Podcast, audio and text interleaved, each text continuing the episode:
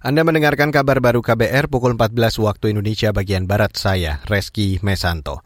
Saudara pemerintah memprediksi nilai ekonomi digital Indonesia pada tiga tahun mendatang bisa mencapai 145 miliar dolar Amerika atau sekitar 2,2 triliun rupiah. Menteri Keuangan Sri Mulyani mengatakan ekonomi digital berpeluang terus berkembang bahkan menjadi salah satu pendorong perekonomian negara. Ekonomi digital adalah salah satu faktor yang mendorong dan menciptakan pertumbuhan ekonomi Indonesia. Kementerian Koordinator Bidang Perekonomian mencatat economic value industri digital tahun 2021 bisa mencapai 70 miliar US dollar. Angka ini bahkan akan diperkirakan meningkat mencapai 145 miliar US dollar pada tahun 2025. Menteri Keuangan Sri Mulyani menambahkan teknologi digital saat ini telah digunakan perusahaan-perusahaan besar di Indonesia. Aktivitas ekonomi digital itu melibatkan banyak sektor dan sumber daya. Namun, Sri Mulyani meminta agar pelaku ekonomi digital selalu menyesuaikan perubahan di sektor keuangan, teknologi digital, dan tantangan perubahan iklim.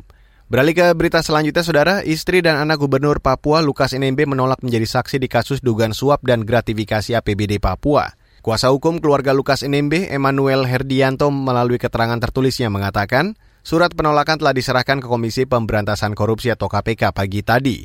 Herdianto mengatakan penolakan keluarga itu berdasarkan pasal di Undang-Undang KPK yang menyebut saksi memiliki hubungan sedarah dan sebagai istri tersangka tidak wajib memberikan keterangan kepada penyidik.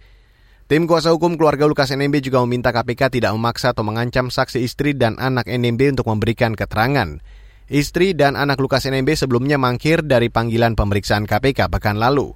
Gubernur Papua Lukas NMB ditetapkan KPK sebagai tersangka dugaan penerimaan gratifikasi sebesar 1 miliar.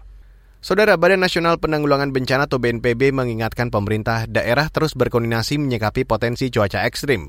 Cuaca ekstrim diperkirakan terjadi dari 9 Oktober hingga 15 Oktober mendatang. Juru bicara BNPB Abdul Muhari juga meminta masyarakat waspada terhadap kejadian dampak fenomena cuaca ekstrim seperti banjir, banjir bandang, tanah longsor, dan pohon tumbang. BNPB juga mengingatkan pemerintah daerah untuk mengevakuasi sementara warganya yang tinggal di bantaran sungai maupun di bawah lereng atau tebing jika terjadi hujan dalam durasi lebih dari dua jam. Pekan lalu cuaca ekstrim melanda sebagian besar provinsi Bali dan mengakibatkan banjir hingga tanah longsor di sejumlah wilayah.